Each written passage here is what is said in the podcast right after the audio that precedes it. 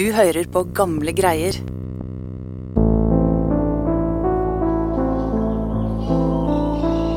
Han var nok klar over at han hadde på en måte hatt en rolle i verdenshistoria, men ikke så stor rolle som han, som han egentlig hadde.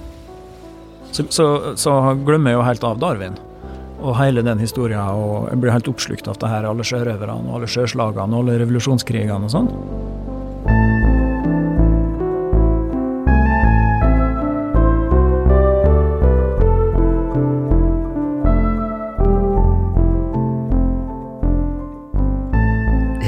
Velkommen til aller første episode av Gamle greier. Jeg prater til deg fra studioet mitt i kjelleren under Nasjonalbiblioteket i Oslo.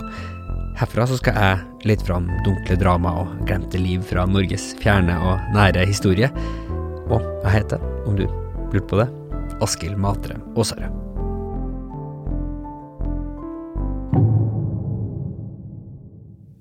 Men jeg tror vi bare skal sette i gang, jeg. Historien vi skal begynne med, er det forunderlige mysteriet om den glemte mannen bak evolusjonsteorien og en norsk dekksgutt. Og den fortellinga, den starter, sjølsagt, til sjøs. 27. desember 1831 så satt skuta HMS Beagle ut på ei reise fra England som kom til å snu opp ned på verdenshistorien som den var kjent frem til da. Om bord på skuta så var den purunge prestestudenten og mer eller mindre sjøllærte geologen Charles Darwin. Det er lenge før det lange, hvite skjegget og de bustete øyenbrynene som han kom til å kle seg med som eldre herre.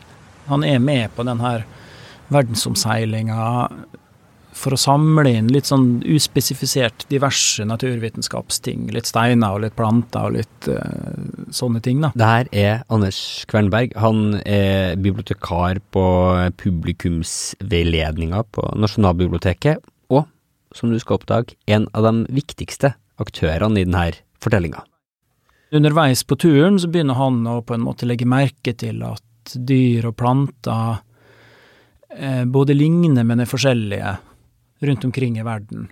Og hans første liksom, teori er kanskje at når Gud skapte verden, så gikk han litt tom for ideer, så han måtte bruke om igjen, liksom. Eh, så han lagde lama en plass og kamel en annen plass. Sånn.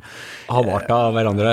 Ja. Og derfor så er det uh, like, men forskjellige, uh, likevel forskjellige dyr rundt omkring i forskjellige omgivelser. Ja, Ja. det var på en måte den første, den første teorien hans, da. Ja. Eh, men så kommer jo det her øyeblikket som er på en måte et sånt vendepunkt i, i, Darwin, i Darwins liv, da. Det var en lang ekspedisjon. Nesten fire år ut i reisa så ankom skuta til den vulkanske øygruppa Galapagos utenfor Chile. Nærmere bestemt, for denne historiens del, den lille øya Floriana. Denne øya hadde pga. de sterke strømmene og det farlige farvannet rundt den fått tilnavnet De forheksedes øy. Her bodde rundt 200 fanger landsforvist fra Ecuador. Når skipet hadde kommet seg trygt i havn, så møttes mannskapet på havna av viseguvernøren på øya, en snakkesalig og sjølsikker engelskmann, en viss Nicholas Oliver Lawson. Lawson kom i snakk med kapteinen på Beagle og inviterte deler av mannskapet på middag oppe i huset sitt, et av de få moderne husene på øya. På veien oppover så gikk de forbi en masse store, tomme skilpaddeskall som lå utafor husene, nå da de var brukt som blomsterpotter. De store elefantskilpaddene som levde på de forskjellige Galapagosøyene, var en av de enkleste måtene å skaffe seg mat på. Det var også det Darwin og de andre middagsgjestene fikk servert. Og så forklarer Låsen forskjellige ting om øyene, annet at når fangstfolkene kommer tilbake igjen fra rundt omkring på øygruppa, så ser han hvor de har vært hen, fordi at skilpaddene har litt forskjellig skall på alle øyene. Med det man visste den gangen, så skulle alt tilsi at skilpaddene var helt like over hele øygruppa. Eh, og da begynner han å lure på hvordan har det seg at de har blitt sånn og sånn der og der. I sine zoologiske notater så skriver Darwin fra reisa. It is said that slight variations in the form of the shell are constant according to the island which they inhabit. Mr. Lawson states he can, on seeing a tortoise, pronounce with certainty from which island it has been brought. Dette var et av de punktene Darwin kom tilbake til, og som uroa han. Som han skrev, Such facts would undermine the stability of species. denne type variasjoner, selv om de var små, ville på lang sikt undergrave stabiliteten til en art. Den vil kunne bli forskjellige arter.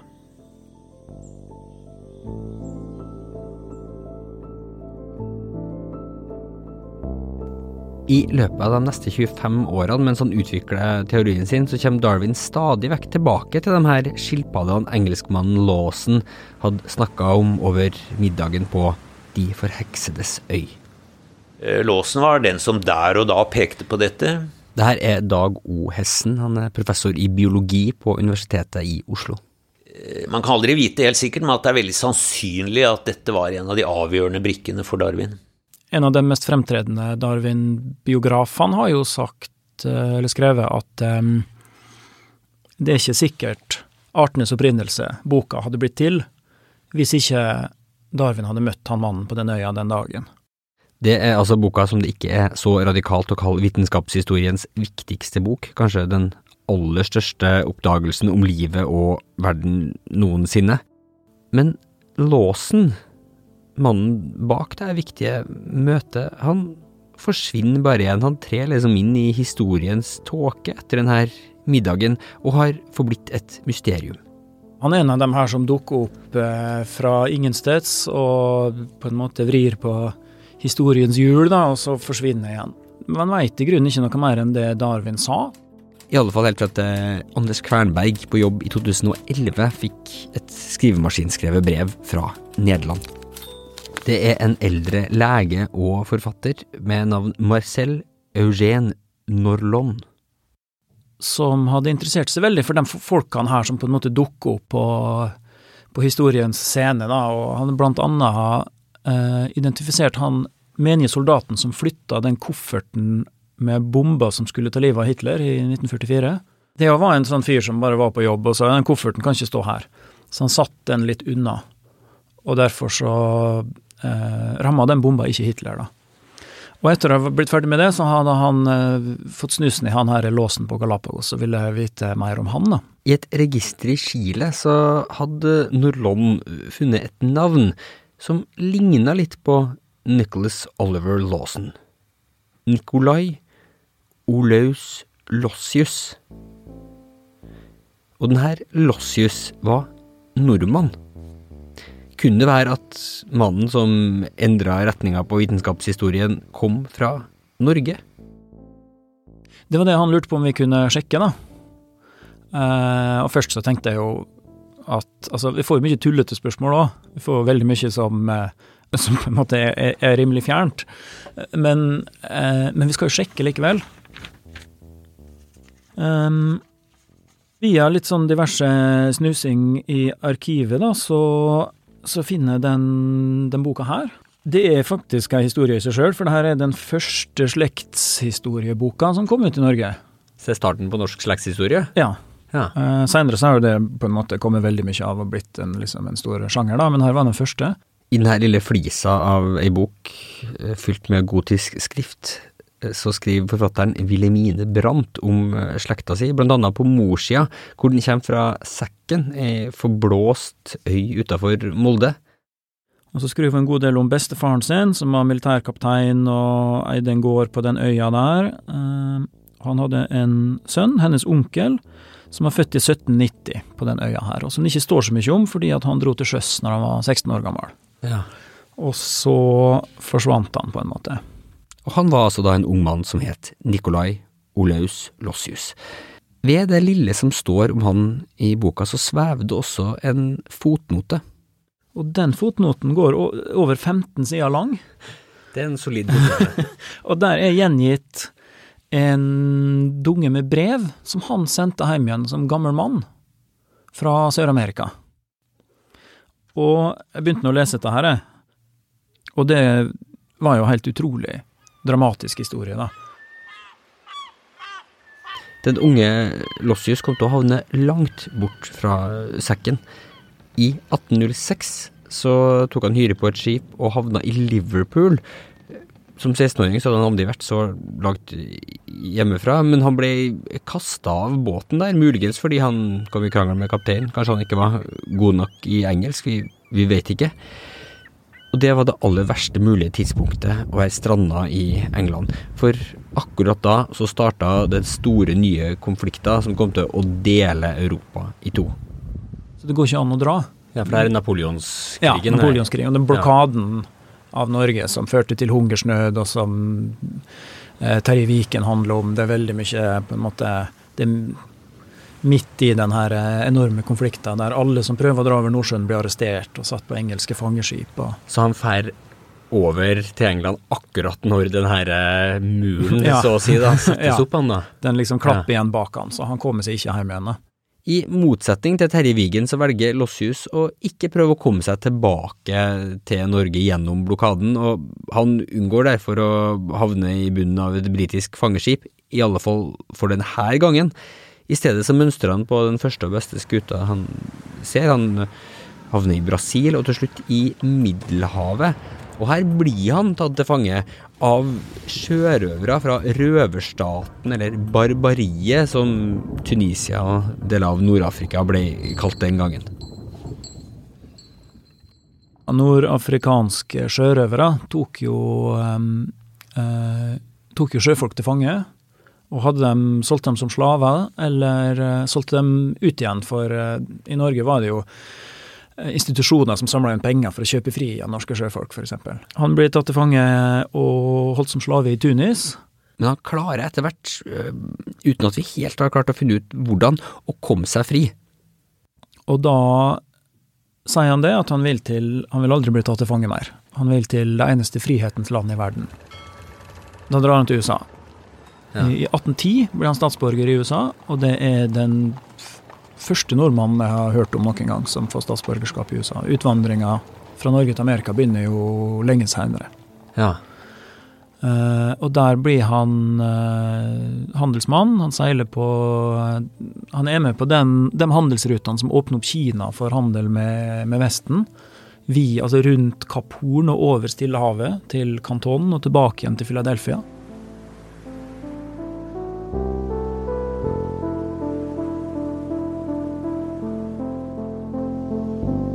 Her er altså en fyr fra ei forblåst øy på Nordvestlandet som starta som dekksgutt, måtte rømme fra pirater, og likevel klarte å bygge seg opp til å bli en stormann i eh, USA. Men så skjer det noe som gjør at livet hans endrer retning. Han går inn i den amerikanske marinen og deltar i flere slag mot engelskmennene som er i krig med amerikanerne da. Og nå blir han tatt til fange av britene. Men igjen klarer han å rømme.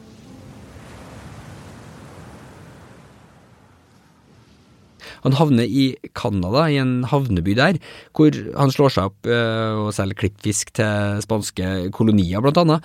Han tjener en masse penger, og går så skikkelig konkurs. Så konkurs at han øh, må reise ned til Sør-Amerika for å bygge seg opp et nytt liv. Og det er et spesielt fruktbart sted å være akkurat da for noen som kan litt om å seile og om å klatre i systemet. For det som er i gang der da, det er frigjøringskrigene, hvor eh, mange av de spanske koloniene gjør opprør mot sine overherrer og oppretter selvstendige republikker. Egentlig så, så er det det moderne Sør-Amerika som begynner å ta form akkurat da. Uh, og da er det jo et stort behov for uh, sjøfolk og for soldater. Og han som har vært eh, kaptein på et skip i den amerikanske marinen, han skjønner jo at han kan få seg jobb der nede. da. Han tjener blant annet rett under Thomas Cochran, som er en av de kjente frigjøringsheltene, som strengt tatt sjøl var, var skotte, som kjempa mot spanjolene. Ja, det er jo sjøslag langs hele kysten av eh, Chile. Da. Han, han innrullerer seg jo i den chilenske marinen i 1818. Som består av noen handelsskip med små kanoner på, men de vinner stadig flere slag mot eh, den spanske armada og tar over skipene deres og heiser sitt eget flagg og, og vinner til slutt. Får til slutt kasta ut de spanske kolonistyrkene og oppretter republikken Chile. Og det er under denne kampen, i alle fall ifølge han sjøl, at han ender opp med å bli forlova med kona si under spektakulære forhold. Det han, det han påstår, er at under det her siste avgjørende slaget, der, der eh, revolusjonshæren vinner, eh, vinner krigen, da, eh, slaget ved Valdivia, eh, natt til 4. februar 1820, så tar han til fange en såra spansk kolonigeneral, som sier med sitt siste åndedrag at eh, han har vært en verdig motstander, og han skal få lov å gifte seg med dattera hans.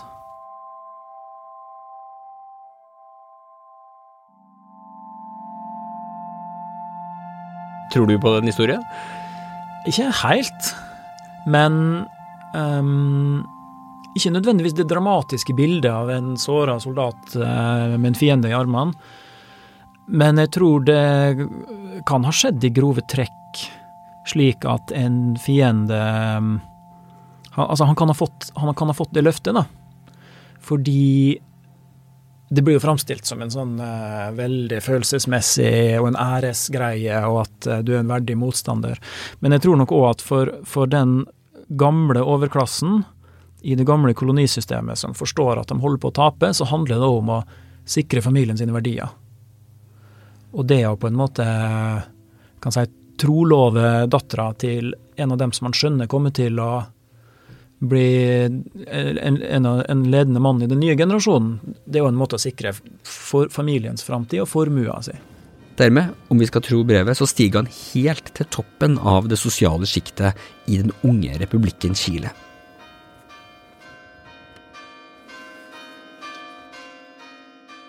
Så han blir skipsreder og har en del handelsskip som går rundt omkring til Australia og India og tjener ganske bra. Han seiler mye sjøl òg. Eh, opp og ned kysten og rundt omkring eh, på Stillehavet. Blant annet så har han flere lange opphold på Galapagos.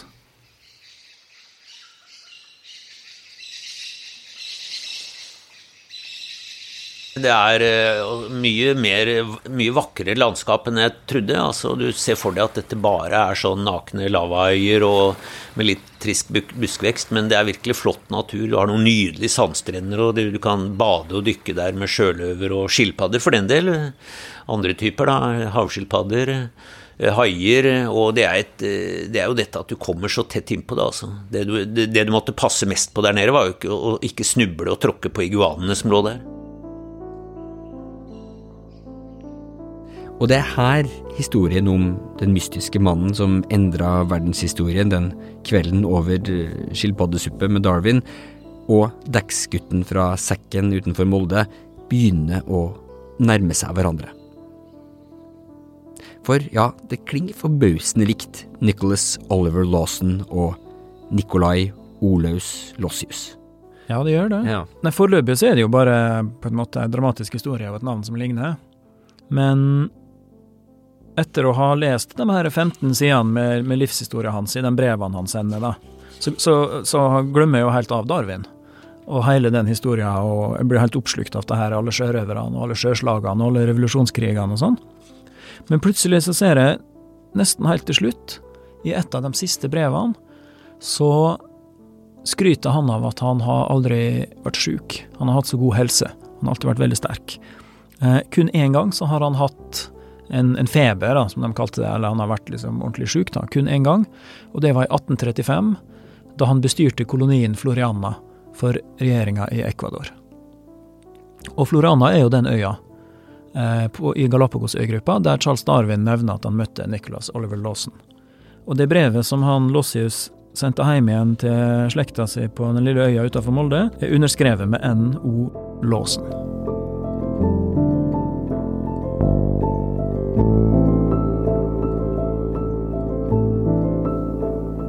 Lawson, eller Lossius, blir værende på øya et par år til etter møtet med Darwin. Så reiser han til Valparaiso, hvor han bosetter seg. Han får ei datter, men hun dør alt som åtteåring.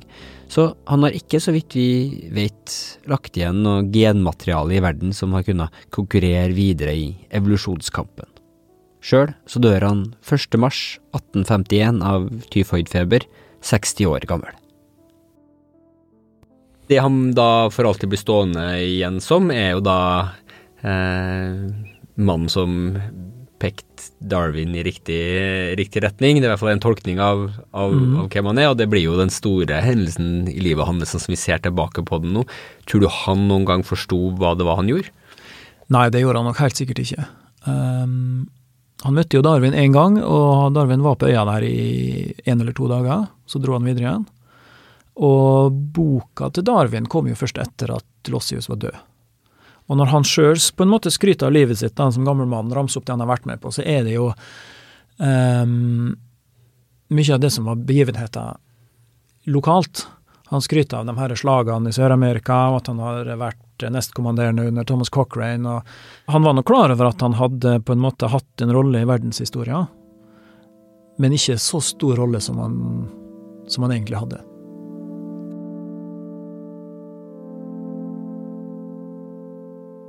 Men det er nå helt på tampen av denne historien det kanskje er på tide å zoome litt ut fra låsen og skilpaddemiddagen og ja, sjøl fra Darwin. For ideer oppstår også i en form for evolusjon. Ja, låsen ga Darwin den viktige nøkkelen, muligens, en mutasjon i Darwins idéverden som leda frem til evolusjonsteorien, men om ikke han hadde vært der, så ville noen andre kanskje gitt han den ideen. Og det er uenighet blant Darwins biografer om hvor viktig låsen egentlig var. Det er noen som påpeker at det også var en rekke fanger på de forheksedes øy som stadig vekk snakka om hvor forskjellige skilpaddene var på de ulike Galapagosøyene, ikke bare viseguvernøren sjøl. Og jeg kan dra det lenger. Om ikke Darwin hadde kommet med ideen, så hadde noen andre gjort det. Parallelt med Darwin så utvikla naturforskeren Alfred Russell Wallis også evolusjonsteorien. Den ble sågar vist frem før Darwin publiserte si forskning. Kanskje Wallis hadde sin egen låsen enda mer glemt fra historien enn Darwins. Likevel så er det noe med fortellinga om de her to menneskene, Låsen og Darwin, som på en eller annen måte besnærer og berører oss. Kanskje fordi de to, på hver sin måte, sjøl er bildet på hvordan både ideer og mennesker overlever og utvikler seg. Anders Kvernberg sammenligner de her to herrene med dyret de åt sammen den ene kvelden i 1835. Darwin var jo på en måte en sånn veldig vitenskapelig saktmodig. Han jobba jo 25 år med boka si før han turte å gi den ut, for han ville være helt sikker på at alle detaljene var dobbeltsjekka og trippelsjekka, og at alt var riktig. og Han brukte jo mange, mange år fra han blei på en måte spora inn på den ideen her, til han helt tatt begynte å jobbe med det Og han gikk og kverna sakte, sånn, sånn skilpaddeaktig, sakte type. Men hele poenget med historien her er jo det at skilpaddene eh, tilpasser seg dit de kommer. Forandrer seg når landskapet forandrer seg, og når eh, omstendighetene forandrer seg. Og det gjorde jo Lossius òg. I et mye, mye større tempo. Men han var jo en som dro til sjøs som 16-åring og må ha, må ha, lært seg engelsk utrolig fort, for eksempel. Eh, for han har ikke hatt noe undervisning i det hjemmefra. Han må ha lært seg det veldig fort. Han må ha lært seg spansk veldig fort. Og han må ha lært seg veldig mange ting, og han må ha vært veldig god til å tilpasse seg dit han kom, da. For når vi snakker om gamle dager med seilskutene og alle krigene og alle sjørøverne og alt sånt, så var det jo når vi ser tilbake og ser en som havna i så mange situasjoner og gikk videre til så mange ting, så er jo han en av dem få som kunne gå videre, som ikke bare omkom.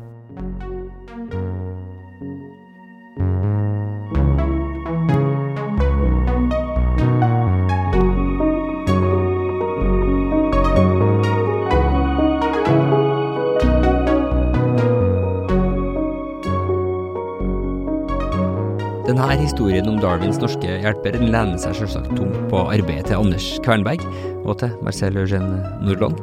Du kan lese Anders sin artikkel om leting etter sannheten om Låsen og Lossius i Romsdal Sågelag sitt årsskrift for 2013. Det finner du om du går inn på romsdal-sågelag.no.